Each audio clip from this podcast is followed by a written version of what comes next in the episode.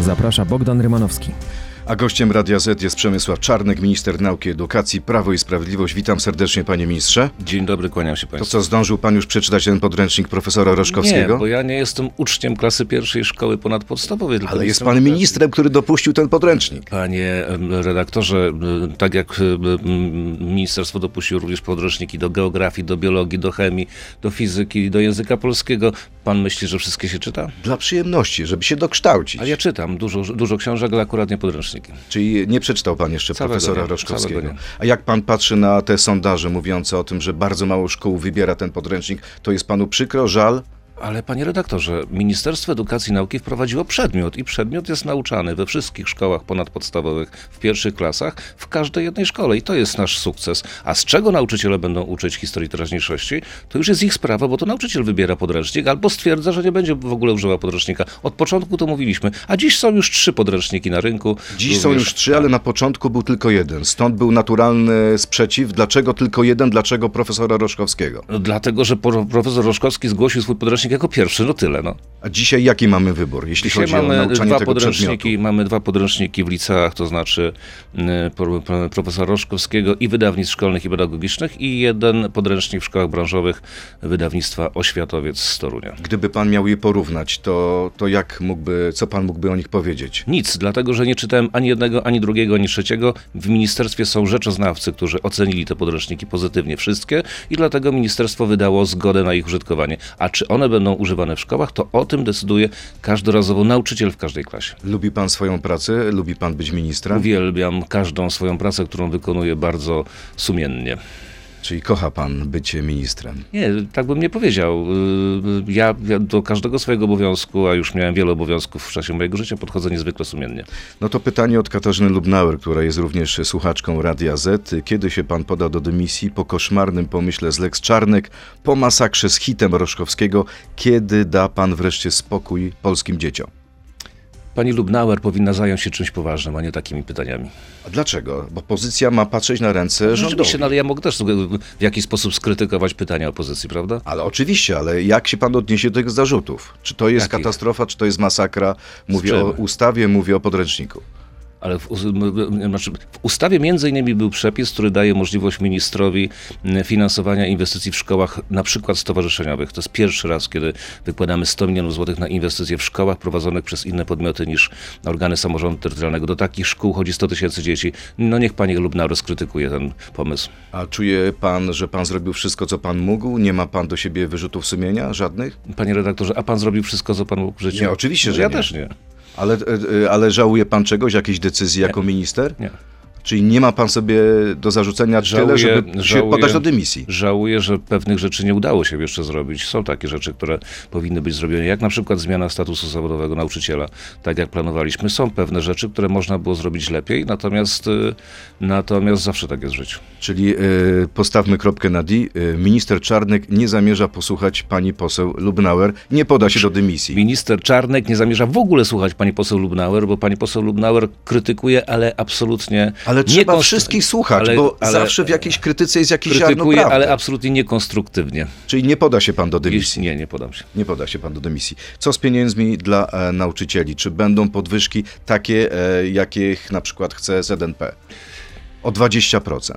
Y, W budżecie państwa uchwalonym rok temu y, subwencja oświatowa wynosiła niecałe 53 miliardy złotych. W budżecie państwa, który będzie uchwalony na przyszły rok, subwencja będzie wynosiła 64 miliardy złotych. To jest zwyżka o 11 miliardów złotych subwencji oświatowej. Nigdy takiej zwyżki nie było.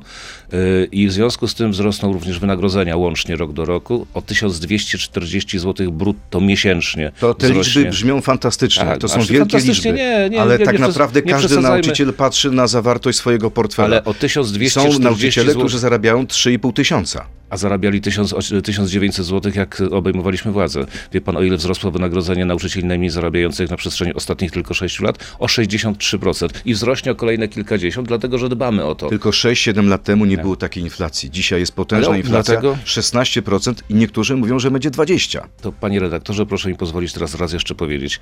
Podwyżka wynagrodzenia dla najmniej zarabiających będzie wynosiła do roku 35%. Inflacja jest na poziomie 16.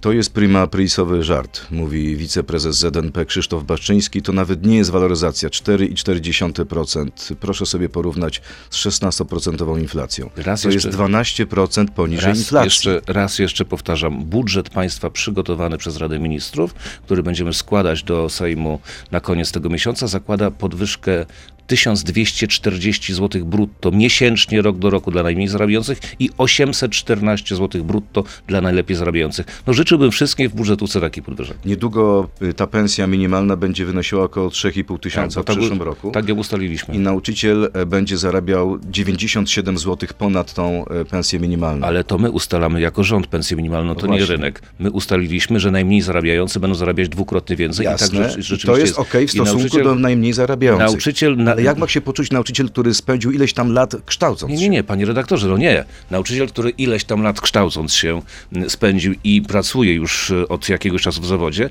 zarabia zdecydowanie więcej niż e, to, o czym mówimy. Natomiast ten wchodzący do zawodu będzie zarabiał o e, 80 łącznie procent więcej niż jeszcze w 2015 roku. To źle? Panie e, ministrze, e, nasz słuchacz, pani Kasia, czy ma pan świadomość, to jest pytanie od pani Kasi, że na papierze jest tylko sytuacja taka, że nie brakuje nauczycieli, a de facto historyk uczy fizyki, informatyki i historii, bo nie ma chętnych nauczycieli. Czy pan w końcu to sobie uświadomi? Takich przykładów chciał- można ja mnożyć chciał- dużo i proszę nie zaklinać rzeczywistości. Ja bym chciał, pani Kasia, tak? Tak jest. Pani Kasiu, ja bym chciał, żeby pani spojrzała na takie kraje jak Norwegia czy Niemcy, gdzie standardem jest dwuprzedmiotowiec albo trzyprzedmiotowiec. I chciałbym, żeby nauczyciele w końcu sobie uświadomili, że w sytuacji, kiedy jest półtora miliona dzieci mniej, a ich jest więcej, nie będzie tak, że będą uczyć tylko jednego przedmiotu i 18 godzin. Standardem wszędzie na świecie jest dwuprzedmiotowiec i tak też jest w Polsce. Nauczycieli nie brakuje. Wczoraj byłem w Kaliszu. Zgadnie pan, ile jest wakatów w Kaliszu? Nie mam pojęcia w jakiej szkole. Trzy. W jakiej We szkole? wszystkich szkołach w Kaliszu są tylko trzy wakaty. A Trzy ile oferty jest szkół w. Kaliszu? No, panie redaktorze, to jest miasto 200-tysięczne, Trzy wakaty. No dobrze, ale są takie miejsca na przykład jak, e, Warszawa. szkoły zawodowe. jak Warszawa. Są szkoły zawodowe? Nie, akurat zespół szkół łączności w Gdańsku, specjaliści, którzy uczą młodzieży zawodu, nie dostają całego etatu, lecz pojedyncze godziny. W tym momencie brakuje 20 godzin do uzupełnienia planu, a do tego potrzeba 5, a nawet 10 nauczycieli. No, No dlatego właśnie zwiększamy subwencję oświatową, żeby było więcej pieniędzy również na wynagrodzenia dla nauczycieli i y, do tego dokładamy jeszcze co? Branżowe Centrum Umiejętności, w którym będziemy kształcić tych nauczycieli. W szkołach zawodowych rzeczywiście problem jest nie od dzisiaj, bo jak Państwo wiecie, szkoły zawodowe były likwidowane jeszcze 20 lat temu, teraz je odbudowujemy. Coraz więcej młodzieży chce uczęszczać do szkół zawodowych, z czego się cieszymy, dlatego będziemy inwestować w szkoły zawodowe. Tam rzeczywiście problem był od, y, od dłuższego czasu, ale będziemy go rozwiązywać. z informacji telewizji TVN24 wynika, że jak dzwonią ci kandydaci nauczycieli i pytają dyrektorów, to jak słyszą stawkę, jaką mają otrzymać na początku, to pytają, przepraszam, ale to jest za tydzień? Jak, Proszę na, państwa. jak namówić ludzi państwa. zdolnych, inteligentnych do tego, żeby poszli do szkoły? Jak nie ma pieniędzy na starcie? Panie redaktorze, raz jeszcze powtarzam.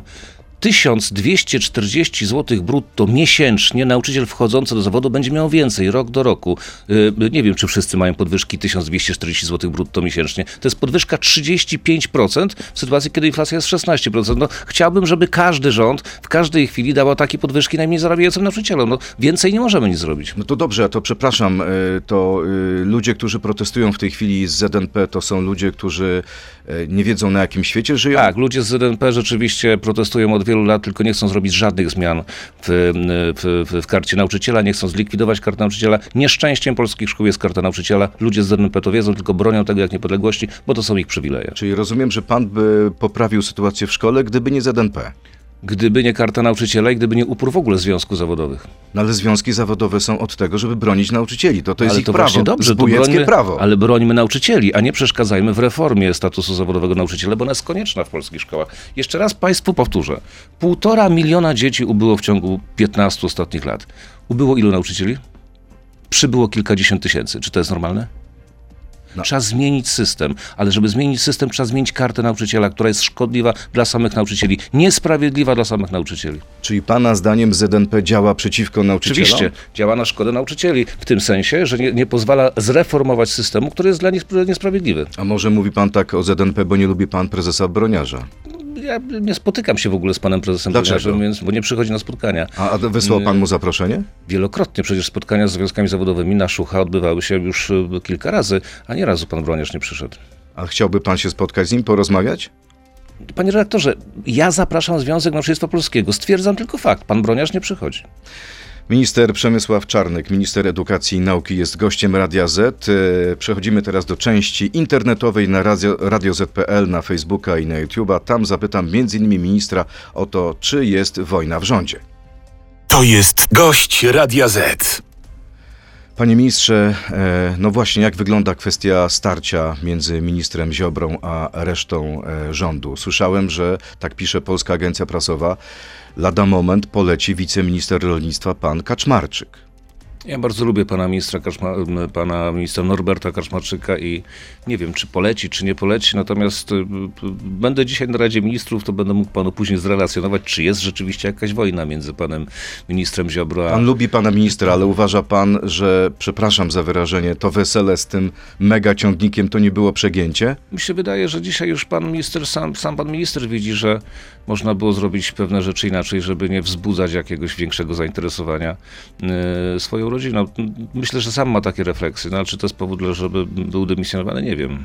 E, Dał pretekst. Ja bym takiego pretekstu nie dawał, w tym sensie, że... Czyli nie przyjąłby ja pan sobie ciągnika? Bardzo, ja sobie bardzo szanuję swoje życie prywatne i nie lubię, jak ktokolwiek zajmuje się moim życiem prywatnym albo życiem mojej rodziny, y, więc y, ja bym to zrobił inaczej, ale każdy ma swój gust. Panie ministrze, czy wyśle pan kwiaty dziennikarce Gazety Wyborczej Justynie Dobrosz-Oracz? A co, ma urodziny jakieś, tak? Nie, ale e, miał pan starcie z nią, o ile Że pamiętam, ona w miała ze Karpaczu. mną chyba, bo ja się z nikim nie ścierałem. Ale pan jest mężczyzną. Kobiety trzeba szanować. A, a ja nie, nie poszanowałem kobiety? No, nieładnie pan chyba powiedział w odpowiedzi A, na jej pytanie. Pytanie? Jakie, No. to, było- jakie to było pytanie? No, pan nie pamięta, jakie to było pytanie? Proszę powtórzyć. Czy zakaże pan e, seksu bez przyjemności? No to, I to jest pytanie? No, ale Czy dziennikarze ktoś- są od tego, żeby Nie, no, prowokować, to i żeby prowokować, żeby. Dziennikarze są od tego, żeby pytać o normalne rzeczy. Jak ktoś pyta o coś takiego, no to albo jest głupi, albo po prostu prowokuje. No. Ale, ale panie, panie ministrze, y, szanował pan pana prezydenta Lecha Kaczyńskiego, świętej Owszem, pamięci? owszem.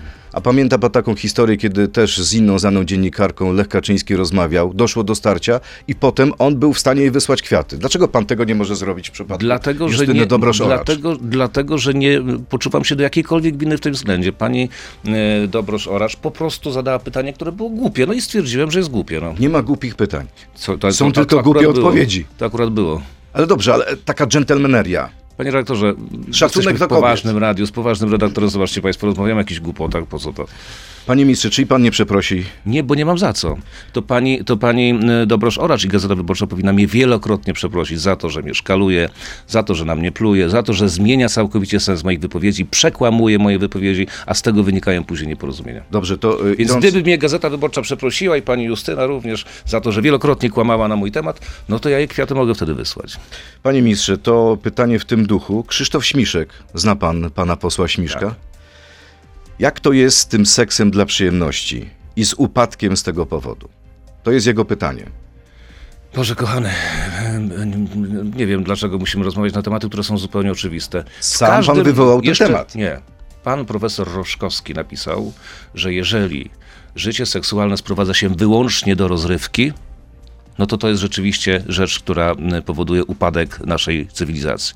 I ja to powtórzyłem. W każdym aspekcie życia człowiek musi mieć odpowiedzialność. Czytał pan taki, taką książkę Miłość i odpowiedzialność? Tak, pamiętam taką No, książkę. Piękna. Pamiętam. Jak sobie pan Krzysztof Śmiszek ją przeczyta, to wtedy porozmawiamy. Czyli nie zamierza pan wprowadzać żadnych zakazów w tej sprawie? Panie redaktorze, yy, zamierzam wprowadzić pięć za- zakazów. Tak. W minioną sobotę kolejne pytanie od naszego słuchacza Michał Staszak. W minioną sobotę padły z pana ust słowa Polska albo będzie chrześcijańska, albo jej nie będzie. Tak po prostu jest. tak. E, I teraz jeszcze dokończenie tego pytania. Może należałoby, pisze pan Michał, zmienić nazwę pana stanowiska na minister religii rzymskokatolickiej. Czy Polska to kraj wyznaniowy, bo tak to niestety obecnie wygląda. Nie. Pan Michał Nie. Staszak. Y, y, Słowa, które wypowiedziałem, są słowami, które wypowiedziałem do y, tysiąca mężczyzn na pielgrzymce mężczyzn w Międzyrzeczu w sobotę i były poprzedzone analizą dziejów, krótką analizą dziejów Polski, tysiąclecia Polski. Jak Państwo przeanalizujecie polskość, to ona jest na stałe związana z chrześcijaństwem. Krótko mówiąc, nie będzie chrześcijaństwa, nie będzie polskości. Jeśli prześledzimy dzieje Polski na przestrzeni ostatniego tysiąca lat, to wszystko, co mamy, tradycje, kulturę, są związane wprost z chrześcijaństwem i z chrześcijaństwa wynikają. W tym sensie, jak Polska nie będzie chrześcijańska, to jej nie będzie takiej, jaką ją znamy. A można być lat. dobrym Polakiem, nie będąc chrześcijaninem? No ale czy ja powiedziałem, że nie można być dobrym Polakiem, nie będąc Nie, ja chrześcijaninem? pana pytam po prostu. Nie, oczywiście, że można. Wielu znakomitych Polaków Czyli to nie, to nie są Żyd, chrześcijanie. ateista może Nawet być dobrym znam, Polakiem. Mam wielu przyjaciół, którzy są ateistami albo nie są chrześcijanami. Ja tylko stwierdzam, że polskość związana jest od 1050 lat z chrześcijaństwem. Wszystkie zwyczaje, kultury, kultura, polskość jako taka mm, obroniła się również, również w czasie zaborów dzięki chrześcijaństwu. Nie wiem, czy co w tym jest Jest pan kontrowersyjnego. na przykład gotów rozmawiać i to nie jest dla pana problem właśnie z ateistami? Ja mam przyjaciół ateistów. Dialogować, tak? Ja mam przyjaciół ateistów. I o czym rozmawiacie na takich spotkaniach? O samochodach, o pogodzie, o, o Polsce, o o Panu języku, Bogu? o Panu Bogu też. I co, usiłuje pan ich przekonać, nawracać? Oni usiłują mnie prze, przekonać i nawracać. Nie udało się im. Nie. E, Kolejna sprawa, e, bo jednak kwestie pieniędzy dominują. E, Piotr Leski, mm, proszę zapytać, dlaczego pan minister Czarnek nie podnosi wynagrodzeń nauczycielom akademickim? Co jest zdumiewające, gdyż wiceminister finansów powiedział, że inflacja wpływa na konieczność podnoszenia wynagrodzeń, a przecież minister powinien realizować program rządu. Owszem, dlatego mamy w budżecie przewidziane już teraz od 1 października podwyżki wynagrodzeń dla nauczycieli y, takie jak w budżetówce, a od przyszłego roku o kolejne 7,8%. Łącznie będzie to około 12-13%. Są na to przewidziane środki. Wczoraj rozmawiałem na ten temat z rektorami uczelni technicznych y, o tym, kiedy te środki dostaną. Będą podwyżki wynagrodzeń. Zmieniamy również rozporządzenie o wynagrodzeniu minimalnym profesora. Czyli kiedy spodziewać Od się 1 mogą października. nauczyciele akademiccy? Od 1 Pierwsze, października. pierwsze podwyżki od 1 października, kolejne z chwilą, kiedy uchwalimy budżet. Będą dotyczyły wszystkich jakby grup e, zawodowych, e, jeśli chodzi o nauczycieli akademickich. wszystkich y, pracowników uczelni. Wszyscy pracownicy uczelni i to będzie przeciętna podwyżka wielkości? Y, Ta, która będzie teraz od, przepraszam, od 1 października, to będzie kilkaset złotych, bo to będzie tak jak w budżetówce w tym roku, a kolejna o 7,8%, kiedy wejdzie w życie ustawa budżetowa, łącznie będzie to kilkanaście procent. Ja mam wielu znajomych wśród nauczycieli akademickich i oni właśnie narzekają, że, że tutaj nauczyciele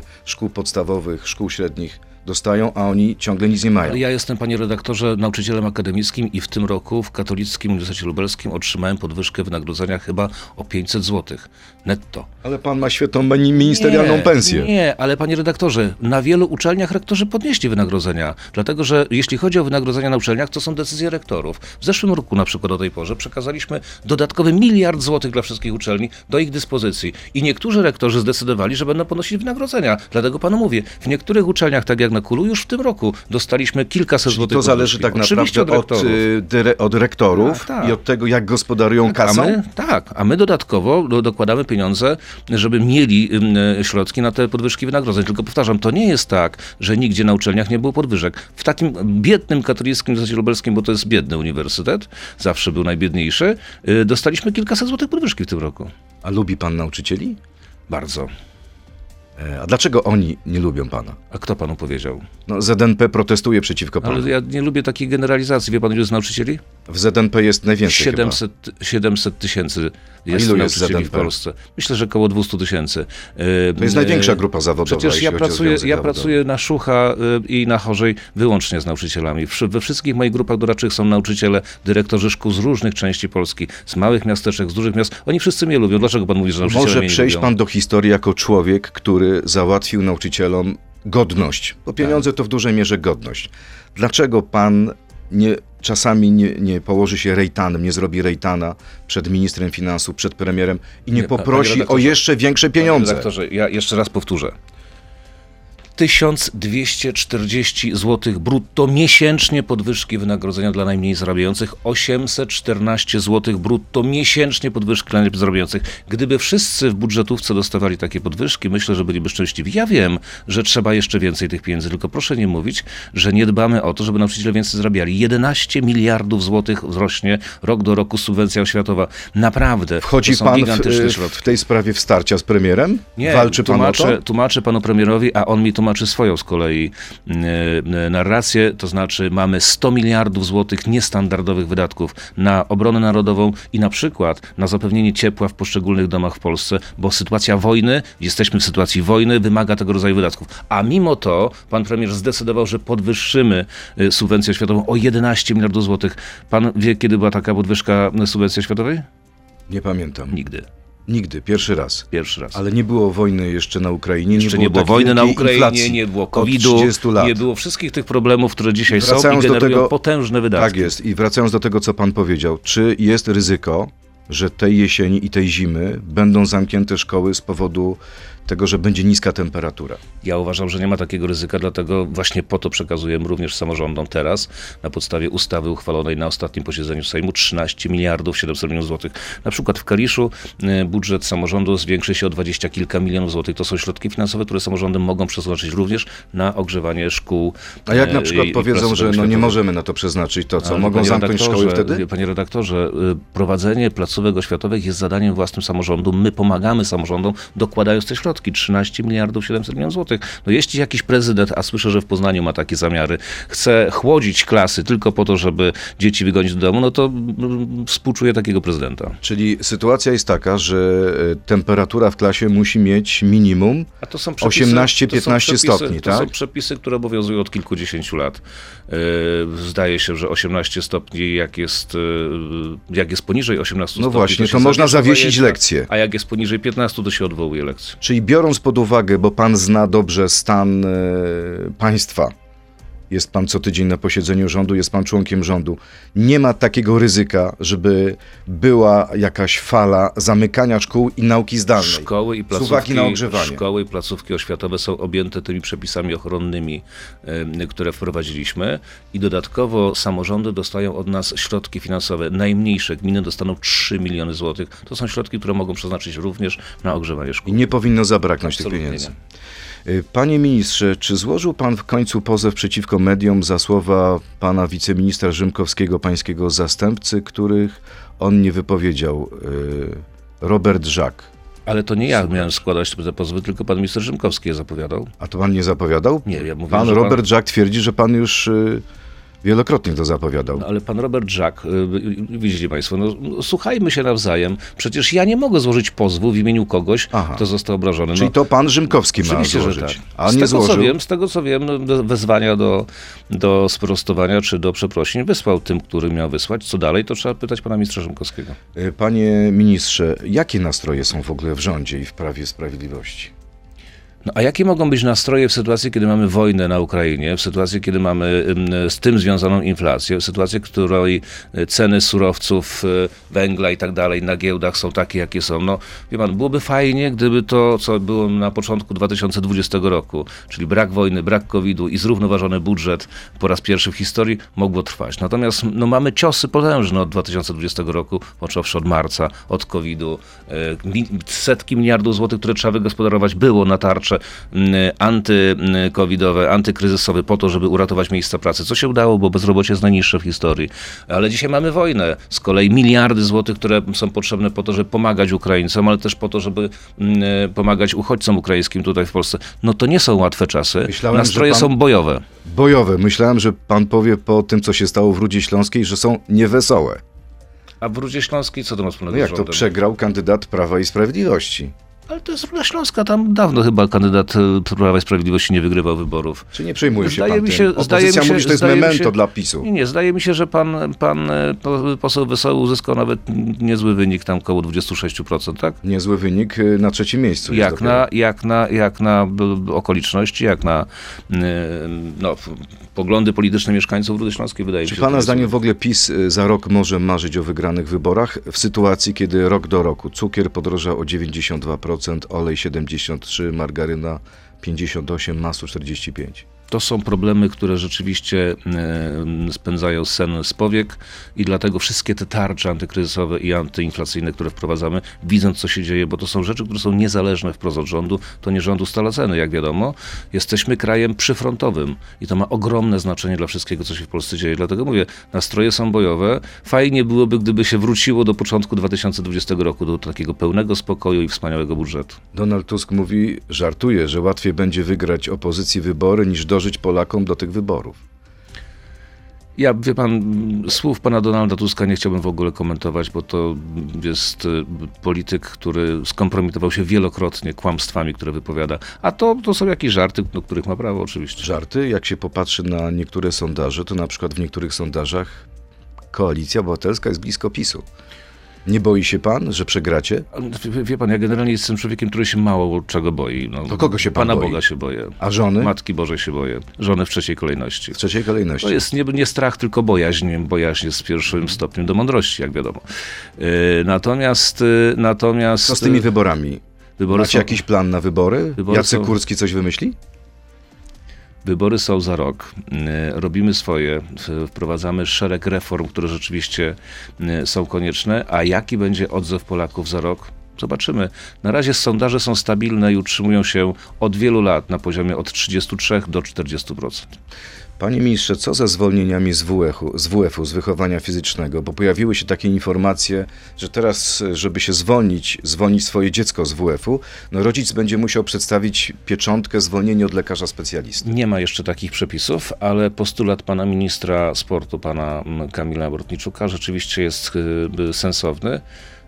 Oczywiście, że jest, y, wielu, że jest wiele dzieci i młodzieńców, którzy muszą mieć zwolnienia z WF-u ze względu na swój stan zdrowia, no ale też wiemy, że w wielu przypadkach te mm, zwolnienia są na wyrost.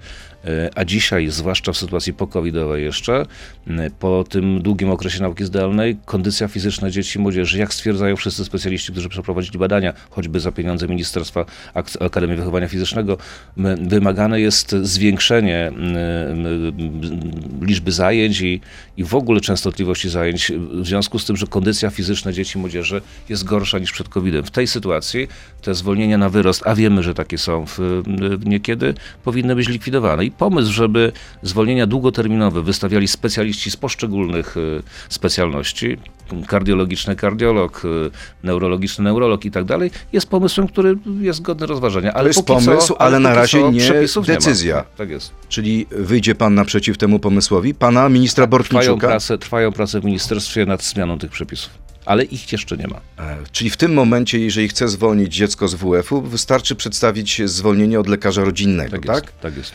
Dobrze, a wracając jeszcze do podręcznika, od tego, od czego zaczęliśmy, podręcznika profesora Roszkowskiego, czy pan jest gotowy na proces y, ze strony ojca, pana Kamila Mieszczankowskiego, który, ojca dziewczynki, która przyszła na świat dzięki metodzie in vitro, a który poczuł się urażony fragmentami tego podręcznika? Ten pan robi karierę polityczną, chyba będzie chciał startować w wyborach z jakiejś listy mm, lewicowej, bo chucpa, jaką robi wokół swojej córki, jest rzeczywiście nie na miejscu. E, Wszystkie dzieci mają godność osoby ludzkiej bez względu na to, jakim, jaką metodą zostały po, poczęte i nigdy w tym podręczniku nikt nie pisał o in vitro, a na pewno nie w tym fragmencie. To, co zrobił Donald Tusk, już tu dzisiaj przywoływany, świństwo niebywałe, wykorzystując do brudnej gry politycznej godność dzieci poczętych in vitro, spowodowało, że chociaż podkreślał, że tam nie ma słowa mm, o tych dzieciach, poprosił o to, żeby mm, ten fragment y, z tego podręcznika No właśnie, zniknął. gdyby nie było Myśmy problemu, to wyrazili- by nie usunął tego fragmentu. Gdyby Donald Tusk nie wykorzystał w sposób bezczelny i kłamliwy dzieci poczętych metodą in vitro do brudnej gry politycznej, to nie byłby ten fragment usuwany, bo ten fragment jest zupełnie o czymś innym. Czyli nie boi się pan procesu? Został, ponieważ, dokończę, dobrze? Ponieważ został ten fragment przekłamany i przekrzywiony, to przychyliłem się do prośby wydawnictwa, żeby usunąć ten fragment, żeby dalej dzieci poczęte metodą in vitro nie były wykorzystywane do brudnej gry politycznej. Otóż temu panu, ojcu tego dziecka stwierd- b- b- po- po- powiem jedną rzecz. To my bronimy godności pana córki, a pan wykorzystuje swoją córkę do gry politycznej. Wstyd. Mm, Z badania Cebosu wynika, że w 2020 roku odsetek młodych Polaków, to jest między 18 a 24 lata, o poglądach lewicowych, wzrósł niemal dwukrotnie w stosunku do poprzedniego roku, osiągając najwyższy poziom w historii. Czy sądzi pan, że podręcznik profesora Roszkowskiego może odwrócić ten trend? Podręcznik profesora Roszkowskiego, albo podręcznik wydawnictw szkolnych i pedagogicznych, albo podręcznik oświatowca nie jest od tego, żeby odwracać bądź przywracać jakieś poglądy polityczne. Jest od tego, żeby pokazywać historię najnowszą, od 1945 roku wzwyż. Po to są podręczniki. Ale nawet tacy ludzie, którym daleko od idei lewicowych, y, publicysta Piotr Zaręba krytykuje ten podręcznik. Mówi, że za dużo tam jest w nim opinii, w- nauczaniu dla młodzieży powinniśmy się ograniczyć do faktów. To niech pan Piotr Zaręba napisze inny podręcznik, który będzie mu się podobał. Każdy może dzisiaj napisać podręcznik i zgłosić do Ministerstwa Edukacji i Nauki e, z prośbą o dopuszczenie go do użytkowania. Jeśli będzie tylko obejmował podstawy programowe, na pewno dopuścimy. A pan zamierza po skończeniu kariery ministerialnej napisać podręcznik, jak y, być ministrem, jak Nie. być Nie, skutecznym Nie. ministrem? nie mam ciekawsze zajęcia. A będzie pisał pan jakieś pamiętniki, wspomnienia? Nie mam. Ja jestem skutecznym ministrem, bo wprowadziłem historię teraźniejszość do szkół. Dzisiaj, dzisiaj, w tych godzinach, kiedy my rozmawiamy, odbywają się zajęcia dotyczące historii najnowszej, której nie uczono wielu pokoleń Polaków. Myśli pan, że przejdzie pan do historii jako najlepszy minister edukacji i nauki? Nie zależy mi y, na tym, żeby przechodzić do historii z jakiegokolwiek powodu. Zależy mi na tym, żeby sumiennie wykonywać obowiązki, które na mnie spoczywają. Przemysław Czarnek, minister nauki i edukacji Prawa i Sprawiedliwość. Bardzo dziękuję za Dziękuję, rozmowę. kłaniam To był gość Radia Z. To był gość Radia Z. Słuchaj codziennie w Radio Z i na player radioz.pl.